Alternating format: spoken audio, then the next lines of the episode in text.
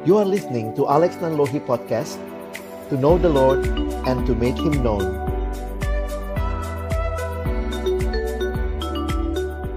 Shalom, selamat malam teman-teman yang dikasihi dalam Tuhan Yesus Kristus. Senang sekali malam ini boleh ketemu dengan teman-teman melalui media virtual ini. Ini namanya berzumpa ya, karena lewat Zoom kita. Dan ini kesempatan yang indah, saya boleh uh, berbagi dan jadi ingat ya beberapa tahun yang lalu ya kan beberapa tahun itu ternyata waktu diingat-ingat sudah dari 2000 berapa ya 2013 mungkin atau 2014 gitu sempat uh, ke uh, ketemu dengan teman-teman beberapa yang ada di sini. Nah, saya bersyukur malam ini kita mau sama-sama belajar firman Tuhan.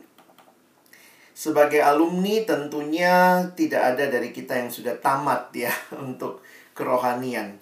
Semua kita sedang terus bertumbuh termasuk juga saya dalam pelayanan, dalam kehidupan pribadi, kita sedang diproses dan dibentuk Tuhan.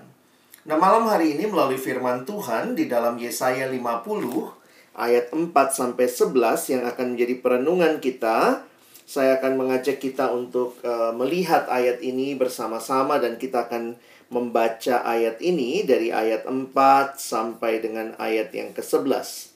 Saya sudah tuliskan ayatnya. Kalau teman-teman ada yang punya Alkitab cetak, silakan dibuka. Tapi kalau tidak, juga sudah ada di screen ayat-ayatnya. Saya akan bacakan buat kita Yesaya 50 ayat 4 sampai ayat yang ke-11. Tuhan Allah telah memberikan kepadaku lidah seorang murid, supaya dengan perkataan aku dapat memberi semangat baru kepada orang yang letih lesu. Setiap pagi ia mempertajam pendengaranku untuk mendengar seperti seorang murid. Tuhan Allah telah membuka telingaku dan aku tidak memberontak, tidak berpaling ke belakang. Aku memberi punggungku kepada orang-orang yang memukul aku dan pipiku kepada orang-orang yang mencabut janggutku. Aku tidak menyembunyikan mukaku ketika aku dinodai dan diludahi, tetapi Tuhan Allah menolong aku. Sebab itu aku tidak mendapat noda. Sebab itu aku meneguhkan hatiku seperti keteguhan gunung batu karena aku tahu bahwa aku tidak akan mendapat malu. Dia yang menyatakan aku benar telah dekat Siapakah yang berani berbantah dengan aku? Marilah kita tampil bersama-sama. Siapakah lawanku berperkara? Biarlah ia mendekat kepadaku. Sesungguhnya Tuhan Allah menolong aku. Siapakah yang berani menyatakan aku bersalah? Sesungguhnya mereka semua akan memburuk seperti pakaian yang sudah usang, ngengat akan memakan mereka. Siapa di antaramu yang takut akan Tuhan dan mendengar mendengarkan suara hambanya jika ia hidup dalam kegelapan dan tidak ada cahaya bersinar baginya baiklah ia percaya kepada nama Tuhan dan bersandar kepada Allahnya sesungguhnya kamu semua yang menyalakan api dan yang memasang panah-panah api masuklah ke dalam nyala apimu dan ke tengah-tengah panah-panah api yang telah kamu pasang. Oleh tangankulah hal itu akan terjadi atasmu, kamu akan berbaring di tempat siksaan. Mari kita berdoa sekali lagi sebelum kita melanjutkan perenungan kita. Bapa di dalam surga kami telah membaca firman-Mu kami telah membuka firman-Mu di hadapan-Mu. Kami mohon bukalah juga hati kami. Jadikanlah hati kami seperti tanah yang baik supaya ketika benih firman-Mu ditaburkan boleh berakar, bertumbuh, dan berbuah nyata di dalam hidup kami. Berkati hambamu yang menyampaikan, setiap kami yang mendengarkan, tolong pada akhirnya kami bukan hanya jadi pendengar firman yang setia, tapi bukan hanya mendengar tapi sungguh boleh jadi pelaku pelaku firman-Mu di dalam kehidupan kami. Bersabdalah ya Tuhan, kami sedia mendengarnya. Dalam nama Yesus kami berdoa. Amin. Ya, teman-teman yang dikasihi dalam Tuhan Yesus Kristus sebagai alumni banyak kali ada kesempatan kita nostalgia. Baik itu nostalgia karena ketemu teman lama, mungkin juga Facebooknya ketemu, wah di Instagram connect lagi, dapat nomor teleponnya lagi, begitu ya. Nostalgia masa-masa kecil, nostalgia masa-masa yang lalu, termasuk juga tentunya masa mahasiswa, masa di mana kita juga mengenal Tuhan dan melayani Tuhan. Dan nostalgia itu biarlah boleh tetap kita kenang. Tetapi mari kita melihat bahwa sebenarnya perjalanan rohani kita, hidup rohani itu bukan sekadar nostalgia, ya. Hidup rohani bukan sekadar nostalgia. Seharusnya hidup rohani adalah apa yang saat ini terjadi pada kita. Banyak orang, alumni, bisa ngomong begini sama mahasiswa adik-adiknya. Dulu, waktu abang pelayanan, wah abang mak bayar harga sungguh-sungguh misalnya gitu ya. Dulu waktu kakak masih jadi pengurus, wah dulu waktu kakak jadi koordinasi, dulu waktu uh, abang jadi pemimpin kelompok. Tetapi ya kerohanian sekali lagi bukan masalah dulu Kerohanian itu bukan nostalgia. Tetapi bagaimana kita sekarang di hadapan Tuhan. Sehingga orang yang bertumbuh bukan orang yang dulu pernah ikut KTB, dulu pernah rajin ibadah, dulu pernah uh, apa ya? rajin saat teduh ya, tetapi bagaimana sekarang? Dan inilah yang malam hari ini saya ingin mengajak kita, termasuk saya juga waktu mempelajari bagian firman ini, mari kita terbuka untuk dievaluasi oleh Tuhan. Tidak ada satupun dari kita yang berhak menghakimi, mengevaluasi hidup orang lain, tetapi di hadapan Tuhan yang firmannya ya dan amin.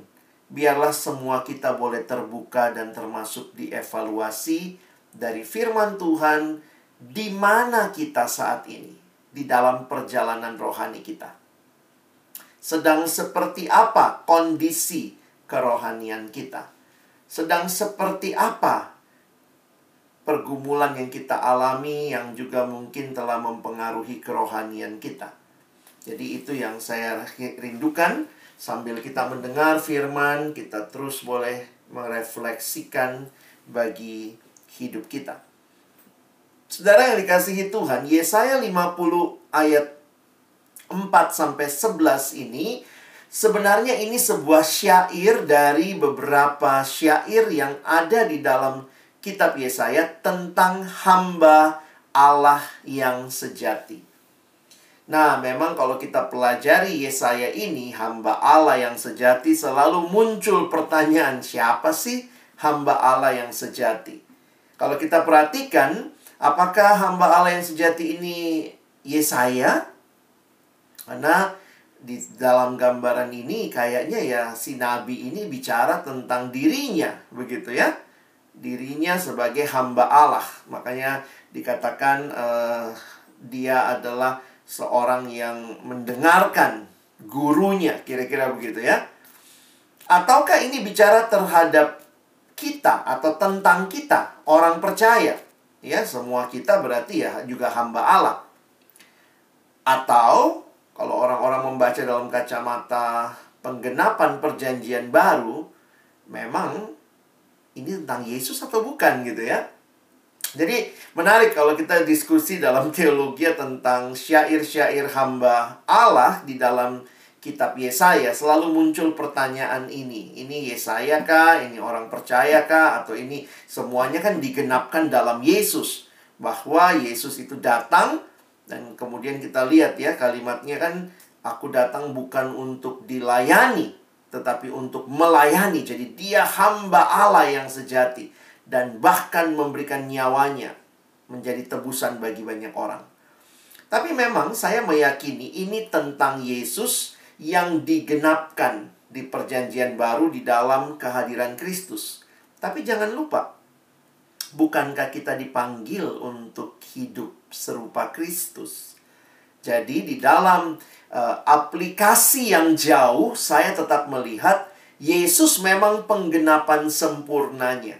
Tetapi setiap kita yang dipanggil ikut Yesus, tentunya kita mengikuti hamba Allah yang sejati, di mana Tuhan juga mau kita menjadi hamba Allah yang boleh taat dipimpin oleh Allah.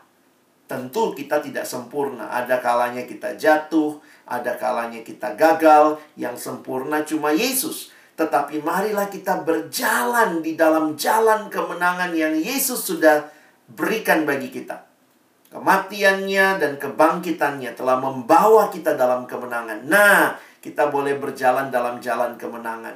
Sehingga syair ini, malam hari ini saya rindu kita juga sebagai hamba-hamba Allah yang mau me mengikut Kristus, mau ikut jalan yang dia lalui. Kita boleh refleksikan syair ini juga buat kita, ya. Nah, kita coba lihat saja dengan beberapa catatan saya di sini. Ayat-ayatnya teman-teman sudah baca tadi ya, lihat di sebelah kanan itu ayatnya. Di sini saya menuliskan Tuhan memberikan lidah seorang murid. Jadi hamba Tuhan ya namanya hambanya Tuhan. Maka Tuhan memberikan lidah seorang murid untuk mendorong semangat mereka yang letih lesu dan telinga seorang murid agar peka mendengarkan firman Tuhan. Itu yang digambarkan. Memberikan lidah seorang murid. Setiap pagi ia mempertajam pendengaranku. Jadi menarik sekali hubungan antara Tuhan dan hambanya. Nah, coba evaluasi lagi lah ya hidup kita gimana. Wah, saya ini murid Tuhan. Dia Tuhan saya, saya muridnya. Nah, bagaimana relasi kita? Apakah kita juga mengalami relasi yang indah seperti ini? Nah, karena hamba, maka hamba ada tugasnya, ya. Kita lihat ayat berikutnya. Ketika seorang hamba melakukan tugasnya, ternyata diberitahu dia akan mengalami penderitaan juga. Wah, ini penderitaannya lumayan serem ya. Aku memberi punggungku kepada orang-orang yang memukul aku dan pipiku kepada orang-orang yang mencabut janggutku. Aku tidak menyembunyikan mukaku ketika aku dinodai dan diludahi. Jadi teman-teman, hidup mengikuti kehendak Tuhan, hidup jadi anak Tuhan yang sungguh-sungguh, hamba Tuhan, ternyata ada konsekuensi, ada penderitaan yang dialami. Dan ini bukan hanya dialami oleh Yesaya tetapi memang kalau kita lihat siapa sih yang paling taat? Ya Yesus Yesus saja mengalami penderitaan jadi kalau kita taat lalu karena ketaatan kita ada penderitaan pasti penderitaan kita itu juga hanyalah mencerminkan apa yang Yesus sudah alami ditolak, disalah mengerti, dike, dikecewakan, murid-muridnya meninggalkan. Wah, itu Yesus sudah alami semua, Saudara ya. Tetapi perhatikan ya. Ayat 7 sampai 9. Perhatikan kalimat-kalimat yang saya berikan warna yang lain. Tetapi Tuhan Allah menolong aku. Makanya lihat kalimat di sebelah kiri tetapi meskipun ada penderitaan, tetapi ia, maksudnya hamba Tuhan itu, tidak akan mendapat malu karena Tuhan akan membenarkan dan menolongnya. Betul ada penderitaan, ada perjuangan. Kadang-kadang jadi anak Tuhan itu tidak mudah. Tapi Tuhan Allah menolong. Perhatikan lagi ayat berikutnya. Ayat 9, teman-teman bisa lihat lagi kata yang sama. Tuhan Allah menolong aku. Jadi ini jadi menarik untuk kita pikirkan sama-sama ya bahwa di dalam menjalani hidup sebagai murid Tuhan kita punya relasi yang indah dengan Tuhan. Kita juga mengikuti dalam ketaatan, tapi mungkin ada penderitaan.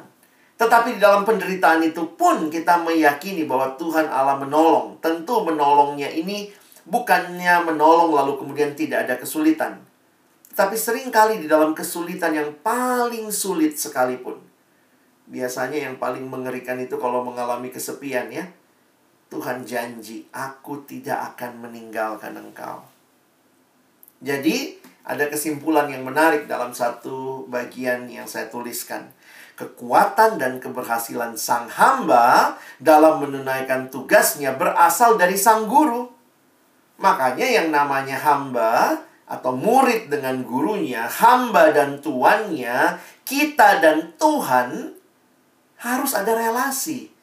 Barulah kita akan menikmati kekuatan, keberhasilan. Tuhan akan membela saat menghadapi tuduhan palsu Kata-kata sang hamba ini kan tajam ya, membedah perbuatan jahat akan terbukti benar, serta fitnahan yang ditunjuk ditujukan kepadanya akan terbongkar palsu. Jadi, kalau teman-teman perhatikan, kadang-kadang waktu kita hidup taat, orang-orang di sekitar kita kan terusik ya. Kita nggak mau kita nggak mau nyogok, yang lain malah ayolah nyogok aja gitu ya. Kadang-kadang kata-kata sang hamba yang mau taat itu tajam sehingga membedah perbuatan jahat. Tetapi itu akan terbukti benar dan fitnahan yang dituduhkan terbongkar palsu. Waktu saya renungkan ini menarik Saudara ya. Ini kayak menggambarkan kehidupan juga ya teman-teman alumni juga kita ngalamin ya hidup seperti ini. Tapi perhatikan lagi ayat 10-nya sekarang ya. Kita lihat ayat 10. Sang hamba menantang umat Tuhan untuk percaya dan bersandar kepada Tuhan. Hebat juga ya. Di dalam kesulitan yang dia hadapi, yang dia alami, dia tahu Tuhan menolong dia, tetapi dia tidak berhenti sampai di situ. Perhatikan ayat 10, dia tantang orang, "Ayo, siapa di antaranya, di antaramu yang takut akan Tuhan dan mendengarkan suara hambanya?" Jadi dia tantang orang, "Ikut aku," gitu ya. Jika ia hidup dalam kegelapan, dan tidak ada cahaya bersinar baginya, baiklah ia percaya kepada nama Tuhan dan bersandar kepada Allahnya. Wow, hamba Tuhan ini luar biasa ya. Ayat 11. Serta, ada kalimat di sebelah kiri ya, serta mengancam para pelaku kejahatan dengan hukuman. Mau menunjukkan bahwa apa yang kamu lakukan yang jahat itu, ingat ada hukumannya. Wah, menyatakan kebenaran seperti ini memang luar biasa ya. Sesungguhnya kamu semua yang menyalakan api dan yang memasang panah-panah api, masuklah ke dalam nyala apimu. Main api sih ya. Dan ke tengah-tengah panah-panah api yang telah kamu pasang oleh tangankulah. Hal itu akan terjadi atasmu, kamu akan berbaring di tempat siksaan.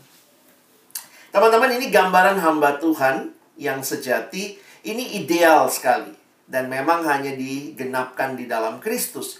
Tetapi selalu ingat, Tuhan Yesus pun panggil kita untuk ikut jadi muridnya. Nah, di sinilah saya ingin kita coba evaluasi sedikit ya. Kita itu makin dekat nggak ya dengan gambaran hamba Tuhan ini? Jangan-jangan kita hanya hidup dalam nostalgia masa lalu. Dulu bang, aku itu rajin. Tapi itu dulu. Dulu itu belum ada orang datang persekutuan, aku datang duluan beres-beres tikar. Oh, sebelum orang datang, aku datang. Pas orang sudah pulang, aku masih di situ beres tikar lagi gitu ya. Tapi itu semua dulu.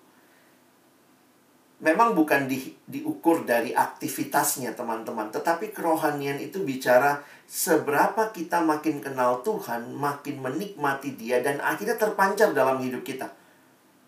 Beranikah kita berkata, ayo ikut aku. Seperti yang sang hamba Tuhan ini. Dia tantang umat untuk percaya. Seperti Yosua ya. Yosua berkata, silahkan kamu pilih. Tetapi aku dan seisi rumahku, kami akan beribadah kepada Allah. Nah saudara yang dikasihi Tuhan, bagaimana kita bisa menjadi hamba Tuhan yang seperti ini?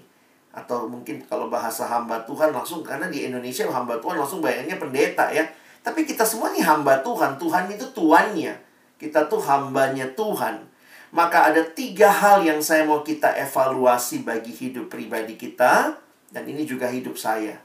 Pertama, kita jadi hamba Tuhan, jadi alumni-alumni, apakah kita masih memiliki relasi yang intim dengan Allah? Itu kekuatan kita, itu sumber kekuatan kita. Hamba Allah yang memiliki relasi yang intim dengan Allah.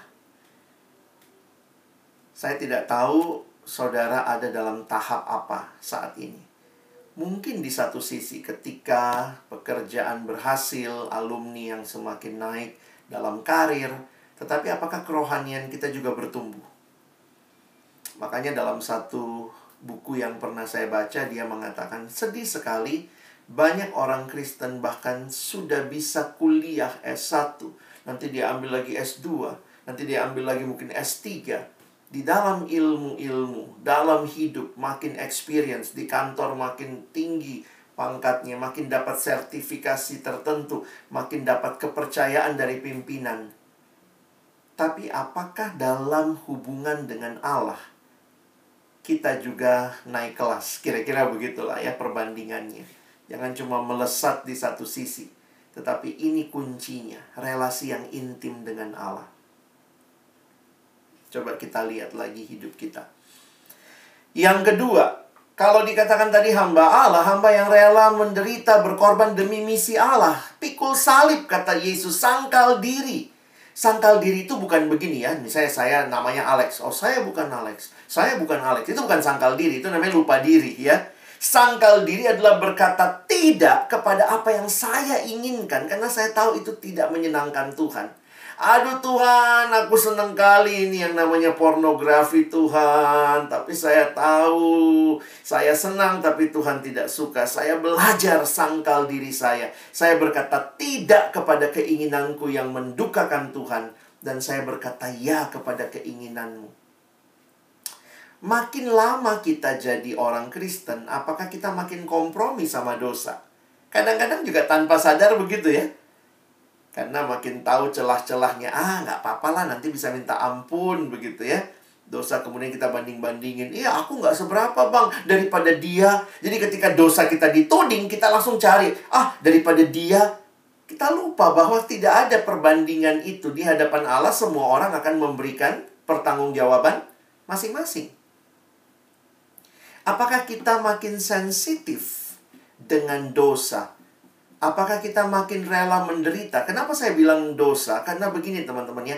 Mungkin dalam beberapa hal bukan kaitannya kita dengan penderitaan yang terlalu fisik gitu ya. Ada nggak yang sampai karena ikut Yesus sampai dipukul di kantornya, di, ditekan bosnya, diinjak-injak di bawah meja? Enggak lah ya. Mungkin kita diperhadapkan dengan penderitaan mau nyogok atau tidak, mau tipu-tipu data atau tidak, mau bikin kwitansi palsu atau tidak. Jadi sering kali kita ya seperti yang Yesus bilang ya sangkal diri pikul salib. Saya tidak tahu penderitaan apa yang Tuhan izinkan demi saudara tetap menjalankan misi Allah. Tadi fisik semua ya yang digambarkan tadi e, janggutnya dicabut, punggungnya dipukul gitu ya hamba Tuhan itu. Tapi akhirnya saya sadar gitu, dia tahu misinya dia rela, nggak apa-apa, pukulin aja. Kalau memang kau mau mukul dan itu yang terjadi, tapi aku tetap menanggung itu semua. Karena saya tahu saya sedang menjalankan misi Allah. Ayo kita evaluasi ya. Apakah kita makin rela berkorban untuk kebenaran? Apakah kita makin rela berkorban juga untuk hal-hal yang kita tahu penting? Nanti memang sudah mulai ini ya. Ketika waktu masih mahasiswa tuh mau baca buku rohani nggak punya duit gitu ya waktunya ada kepengen bacanya ada eh pas alumni kebalik gitu punya duit bisa beli buku nggak bisa baca nggak ada waktu lah dan segala macam jadi memang kalau tadi bang Ronald bilang iya ya apakah talenta kita kita persembahkan sama Tuhan? Nah itu mungkin juga ada penderitaan di situ ya ada pengorbanan yang kita perlu lakukan.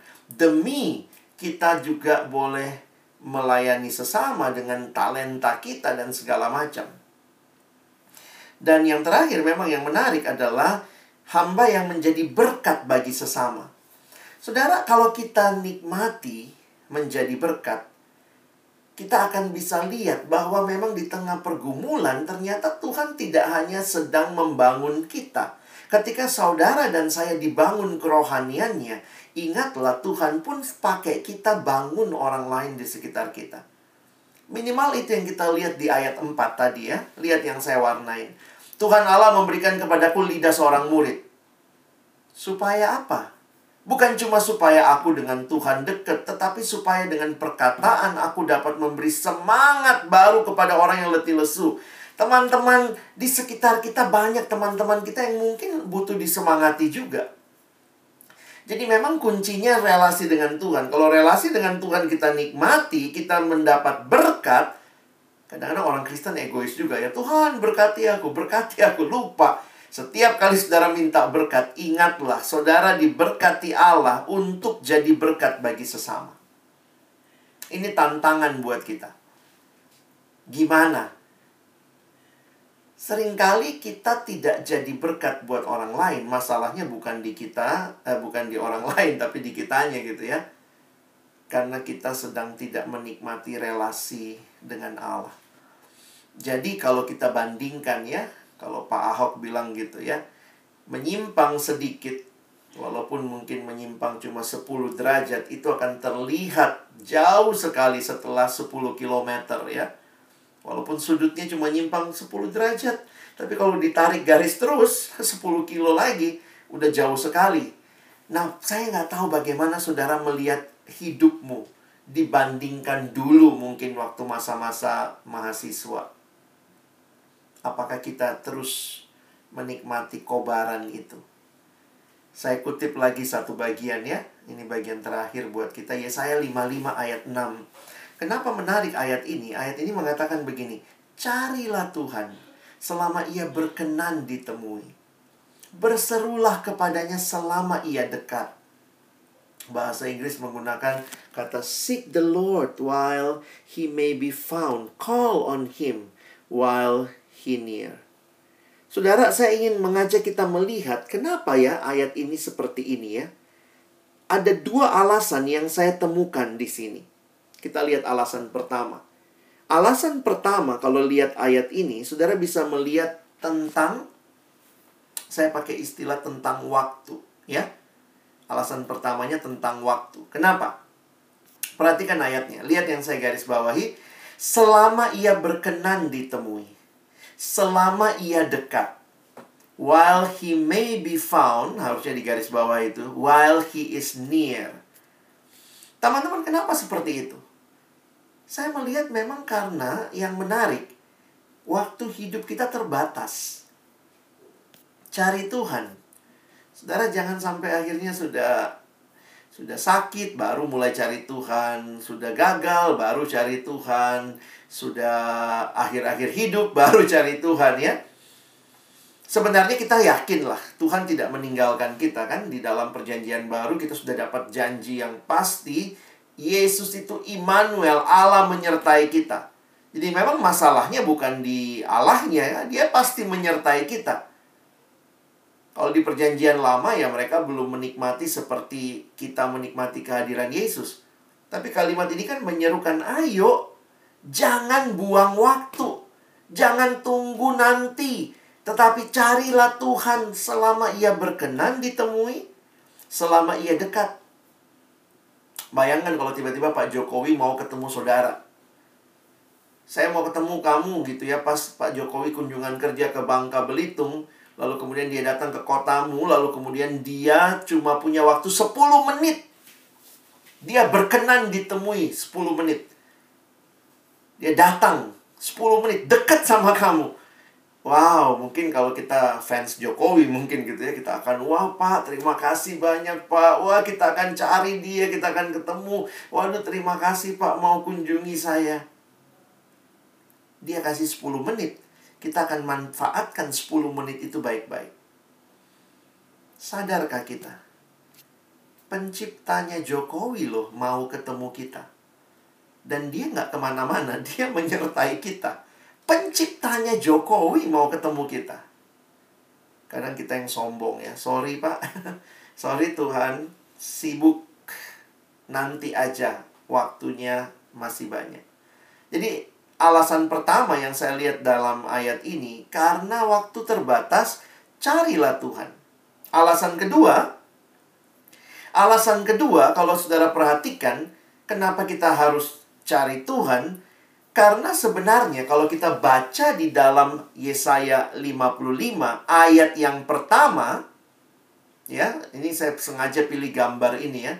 Saudara bisa lihat ya gambar ini kan menunjukkan uh, mana yang butuh yang mana, siapa yang lebih butuh, yang yang yang colokan atau yang stekernya yang di dinding gitu ya. Yang sumber arusnya gitu. Ya sebagus-bagusnya uh, misalnya ada kipas angin yang dicolok ke sana ya, tetap kipas angin itu walaupun lengkap baling-balingnya, kalau nggak nyambung colokannya, ya nggak bisa juga, saudara ya. Nah, ini perhatikan. Yesaya kasih gambaran. Lihat gambarannya. Ayat 5, uh, 55 ayat 1. Ayo, hai semua orang yang haus. Marilah dan minumlah air. Hai orang yang tidak mempunyai uang, marilah terimalah gandum tanpa uang pembeli dan makanlah juga anggur dan susu tanpa bayaran. Lalu lihat ayat 2. Mengapa kamu belanjakan uang untuk sesuatu yang bukan roti dan upah jeripayahmu untuk sesuatu yang tidak mengenyangkan? Dengarkanlah aku maka kamu akan memakan yang baik dan kamu akan menikmati sajian yang paling lesat. Tuhan mau bilang apa di dua ayat ini? Tuhan mau bilang kamu itu ya Cari semua yang memang kamu butuhkan, tapi ingat itu tidak akan pernah memuaskan. Makanya Tuhan panggil, ayolah ke sini gitu ya. Aku akan kasih yang memang memuaskan gitu. Kamu belanjakan uang untuk sesuatu yang bukan roti, kamu jeri payahmu untuk sesuatu yang tidak mengenyangkan. Ini menunjukkan betapa manusia di dalam hidup kejar semuanya, tapi lupa untuk datang sama Tuhan. Makanya saya menuliskan begini ya. Budaya kita selalu saja mengatakan kepada kita melalui berbagai cara bahwa kebahagiaan hidup dapat diperoleh melalui apa yang kita lakukan, yang kita beli, yang kita pakai, kita miliki, atau kita naiki. Nah, ini kan semua kalau sudah jadi alumni harus punya, harus punya ini, harus punya ini gitu ya. Oke, itu kebutuhan kita. Tapi ingat ya, Jangan berpikir sukses itu kalau punya rumah sendiri. Bukan hanya itu sukses. Oh, dia sudah menikah, sukseslah dia. Oh, bukan begitu, saudara. Kalau menikahnya dengan tidak orang yang tidak benar, sebenarnya itu bukan sukses, malah malah petaka begitu ya. Punya rumah sih punya rumah, tapi tidak punya lagi relasi dengan Tuhan, jauh lebih sedih kita tidak akan bisa memperoleh kepuasan penuh dari apa pun di dunia ini. Tak peduli apa yang kita lakukan. Saya bukan berkata kita nggak boleh punya rumah, nggak boleh cari punya kendaraan.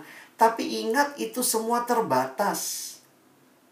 Karena itu ya saya ingatkan. Tadi ayat 1 dan 2 ya. Langsung ayat 6-nya. Carilah Tuhan. Berserulah. Seek the Lord. Call on Him. Cari Tuhan Teman-teman kalau kita dengan bos kita di kantor, kita tuh akan berusaha cari bos kalau kita butuh tanda tangannya, kita cari gitu ya.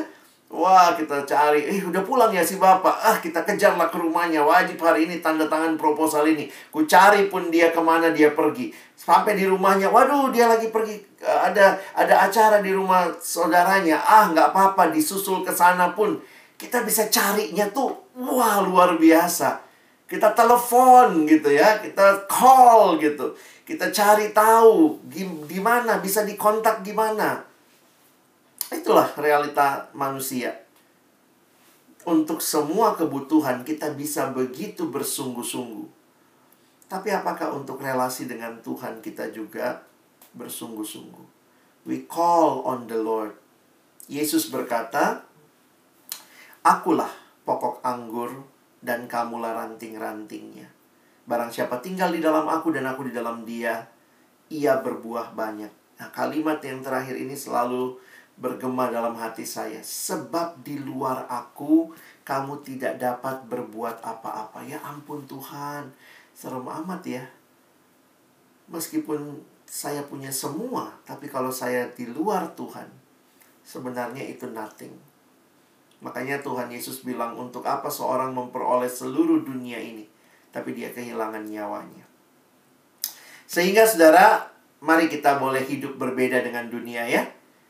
Kenapa? Karena kita orang-orang yang sudah kenal Tuhan. Paling tidak bagi saudara yang dulu sudah pernah aktif di pelayanan.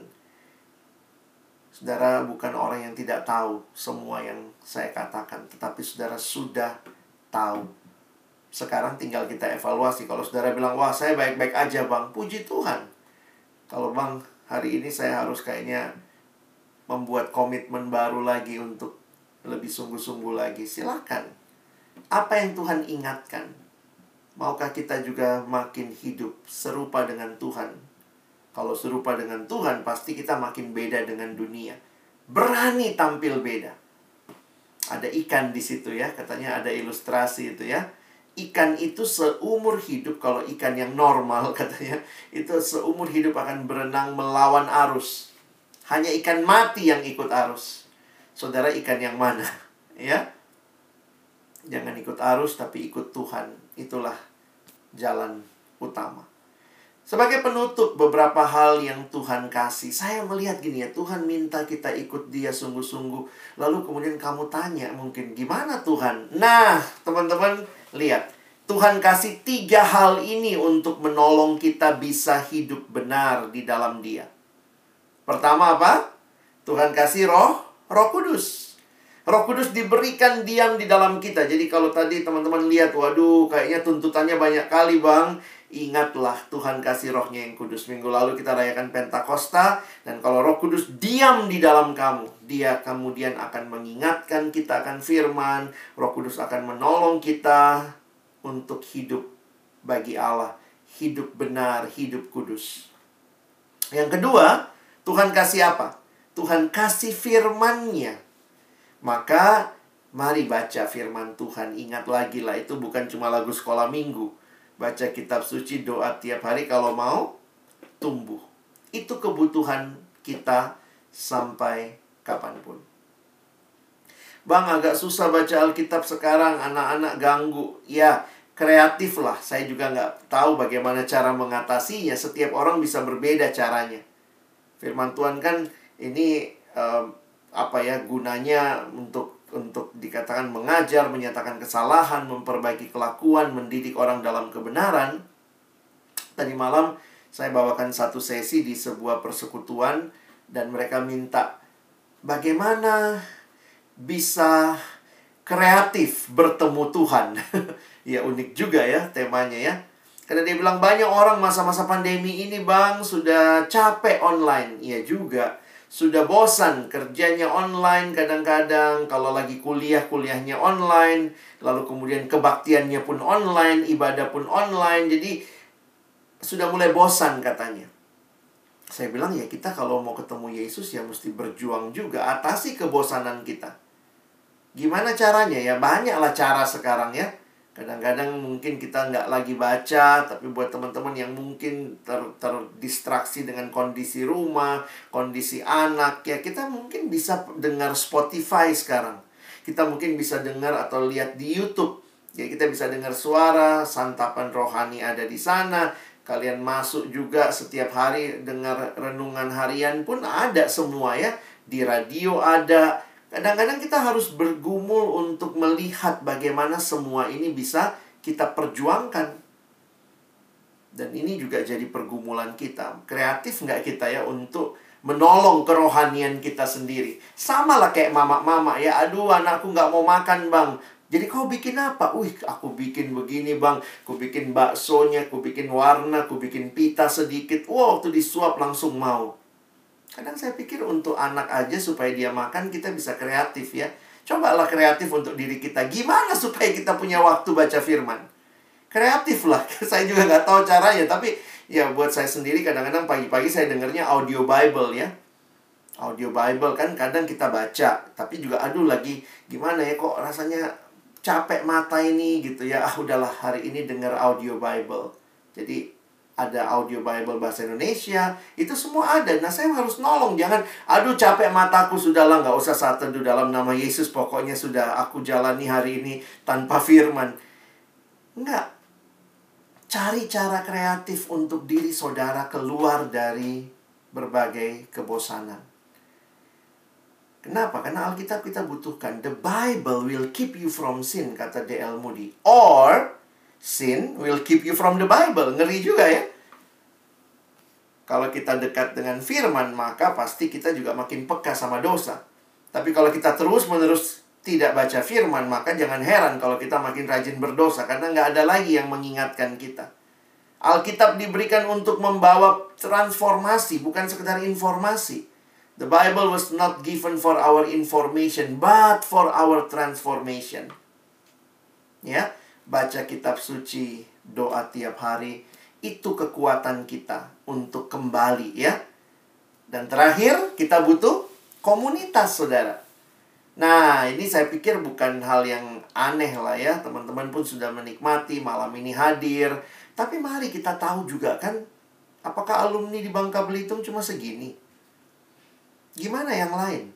Yang mungkin juga butuh komunitas, tapi mungkin malu datang, sudah lama nggak datang. Kalau datang pun disambut, eh tumben kok nggak datang, kok baru datang. Ya mungkin kita mesti belajar untuk welcome kembali orang yang sudah lama tidak hadir sebagai kesatuan. Kita pun nggak lebih baik dari dia. Kita butuh komunitas. Kalau kita dikuatkan, ingat teman-teman, kalau kita dikuatkan seperti yang tadi hamba Tuhan katakan, supaya aku menguatkan orang lain. Karena itu butuh komunitas, ajak mereka ya. Eugene Peterson bilang kita adalah sebuah komunitas. Kita tidak pernah hidup sendiri dan bagi diri sendiri. Kita dilahirkan dalam komunitas, tinggal dalam komunitas, kita meninggal dalam komunitas. Natur manusia bukanlah hidup menyendiri. Makanya bertumbuhlah di dalam komunitas. Tadi Bang Ronald juga udah singgung ya, ayo kita gabung kalau ada KTB, KTB, gabung punya KTB. Bagi saya jangan cuma mengandalkan pertemuan besar seperti ini. Ya bersyukurlah ya kita ada persekutuan, tetapi selebihnya saudara perlu ada KTB, KTB di mana mungkin kita bisa saling mendengar lebih dalam, lebih banyak, saling mendoakan, belajar firman sama-sama. Kita cari, jangan tunggu gitu ya. Kadang-kadang gitu, aduh tunggulah nanti uh, kalau diajak baru aku mau. Jangan cuma tunggu diajak. Kalau perlu kita yang ngajak ya. Kenapa? Kita butuh. Semua butuh begitu. Nah, tentu kita harus nanti diatur dengan baik ya. Dan terakhir firman Tuhan mengingatkan kita ya. Ini ayatnya jelas. Ibrani 10:25. Janganlah kita menjauhkan diri dari pertemuan-pertemuan ibadah kita. Seperti dibiasakan oleh beberapa orang. Ternyata dari dulu ada juga yang gak suka datang ya. Seperti dibiasakan pula oleh mereka. Tapi marilah kita saling menasehati dan semakin giat melakukannya menjelang hari Tuhan yang mendekat. Saya mendorong kita sama-sama nikmati persekutuan ini. Tapi ingat, persekutuan ini bukan cuma buat kita, ya. Bagaimana Tuhan pakai kita juga menjangkau saudara-saudara kita, teman-teman kita yang lain. Jadi hari ini kita ingat relasi dengan Tuhan, kita ingat mungkin ada penderitaan, pengorbanan yang harus kita jalani untuk hidup dalam Tuhan, tapi juga kita ingat bahwa waktu kita dikuatkan, Tuhan pakai kita jadi berkat. Bagaimana bisa bertahan? Tiga hal juga. Tuhan kasih roh kudusnya, diam di hati kita. Tuhan kasih firmannya, memimpin kita. Mari baca dan renungkan firmannya. Dan Tuhan berikan komunitas yang berjalan bersama kita melalui berbagai hal. Kiranya tema malam hari ini, ketika saudara mengalami semua ini, maka tema hari ini juga bisa kita bawa pulang. Encourage your spirit. Kiranya Tuhan menolong kita. Amin. Saya kasih kesempatan kalau mungkin ada yang mau sharing atau mungkin mau bertanya satu dua orang, saya persilahkan sebelum nanti uh, saya tutup dalam doa.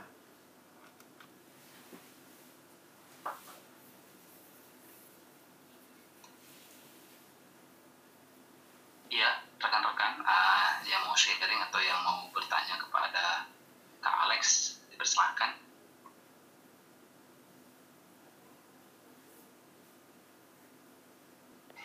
Dari saya mungkin ya Kak Alex. Iya, silakan. Erik. Dengaran cukup jelas ya Bang ya? Yap, jelas. Ya, uh, bersyukur untuk bersyukur untuk firman Tuhan hari ini. Uh, uh, di, di Berkau mana tahun uh, seperti ya di Bang Belitung memang uh,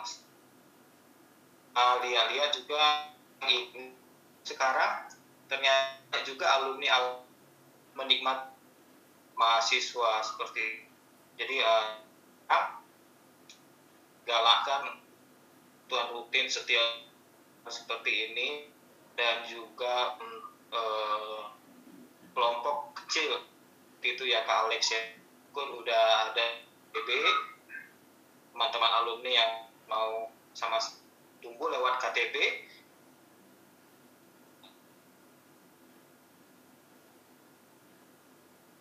putus-putus Rick. Kan uh, efektif komunikasi yang dengan alumni alumni yang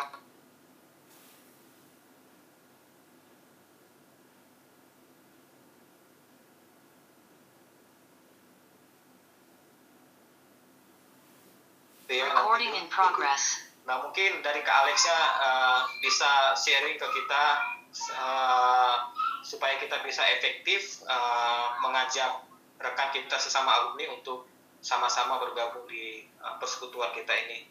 Itu aja sih Kak dulu Kak. Hmm. Thank you ya. Um, ya memang memang mengajak orang itu juga seni ya. Tapi saya memang melihat uh, semua hal dalam kekristenan kita salah satu yang menarik adalah itu terjadi di dalam relasi. Kenapa ya Tuhan pakai bahasa-bahasa relasi ya untuk bicara tentang kita satu sama lain dipakai istilah saudara, keluarga. Jadi sebenarnya uh, ya kita perlulah untuk membangun relasi Kadang-kadang mungkin orang itu belum siap datang dan diajak dalam pertemuan.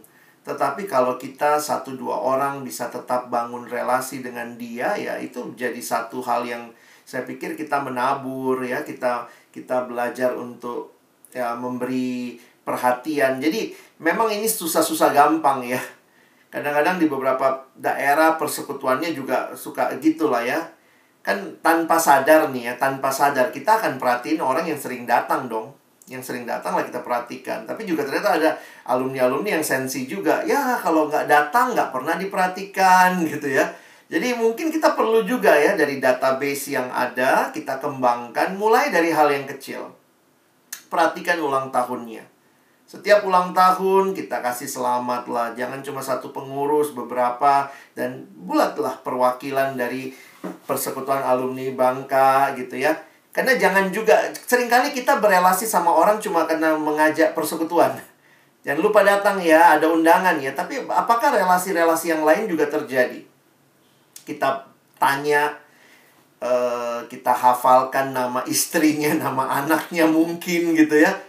Jadi itu kan hal-hal yang apa ya? Paling tidak bisa bisa membangun relasi. Jadi itu tanda kutip uh, mungkin kelihatannya kok kayaknya uh, eh, SKSD banget ya sok kenal sok dekat. Tapi saya pikir di situlah kita butuhnya bahwa dia butuh persekutuan. Kita tahu kita juga membutuhkan dia sebagai saudara seiman. Nah mungkin kita usahakan lah dengan berbagai cara. Nah paling gampang sebenarnya ulang tahun lah ya. Jadi daftar kalau ada daftar alumni mulailah kita. Semua pengurus sensitif tahu nomor orang mungkin bisa kontak ulang tahun. Nggak usah ulang tahun cuman kontak apa yang mau didoakan selesai. Nggak usah ajak-ajak persekutuan. Pokoknya komunikasi biasa aja